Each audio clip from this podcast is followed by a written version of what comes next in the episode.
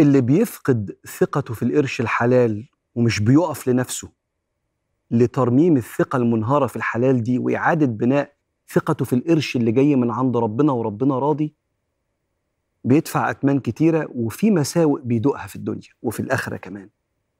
أول شيء سيء بيعيشه بيحرم من استجابة الدعاء.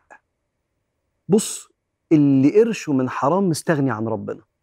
ربنا بيقول له ما تكسبش إلا من حلال حط الكلام على جنب وأنا هتصرف أنا. المهم القرش يبقى كتير. فاللي بيعمل كده طب ما تطلبش من ربنا حاجة. وعلى فكرة مفيش حد في الدنيا يقدر يستغنى عن ربنا. أنت محتاج ربك في كل نفس يخرج إنه يرجع تاني.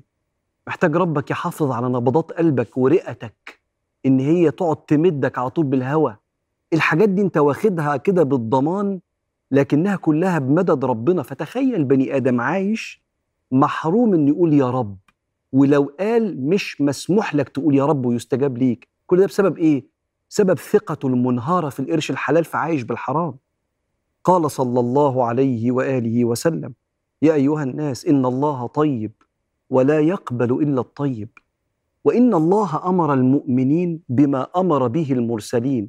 فقال يا أيها الرسل كلوا من الطيبات واعملوا صالحا. وقال يا أيها الذين آمنوا كلوا من طيبات ما كسبتم. ثم ذكر سيدنا النبي يقول كده ثم ذكر الرجل يطيل السفر أشعث أغبر متبهدل حاله يصعب على أي حد فأكيد ربنا رحيم بيه.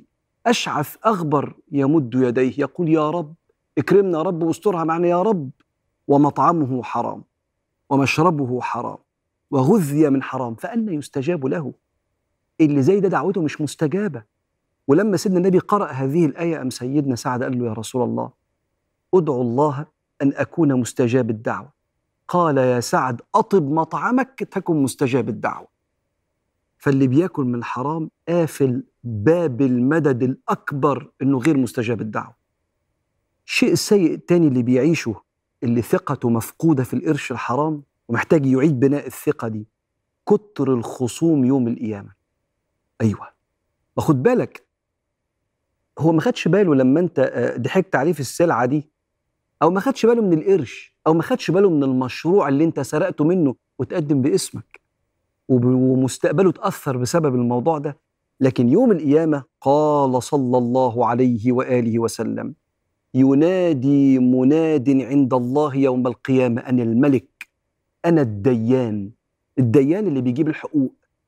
لا ينبغي لأحد من أهل النار اسمع الكلام لا ينبغي لأحد من أهل النار أن يدخل النار وله عند أحد من أهل الجنة حق. استنى ده اللي هيخش النار بس ليه حد حق عند حد من أهل الجنة؟ ممكن يروح ياخده منه والله أعلم هتبقى حسناته عاملة إزاي بعد كده اللي المفروض يخش الجنة ده. حتى أهل النار اللي داخلين النار ربنا يجيب لهم حقهم. ولا ينبغي لأحد من أهل الجنة أن يدخل الجنة وله حق عند أحد من أهل النار. إزاي يا سيدنا النبي بالفلوس ولا إيه؟ قال بالحسنات والسيئات. ففي خصوم كتير يوم القيامة. لكن الشيء المرعب على اللي فقد ثقته في الحلال التعرض للفضيحة.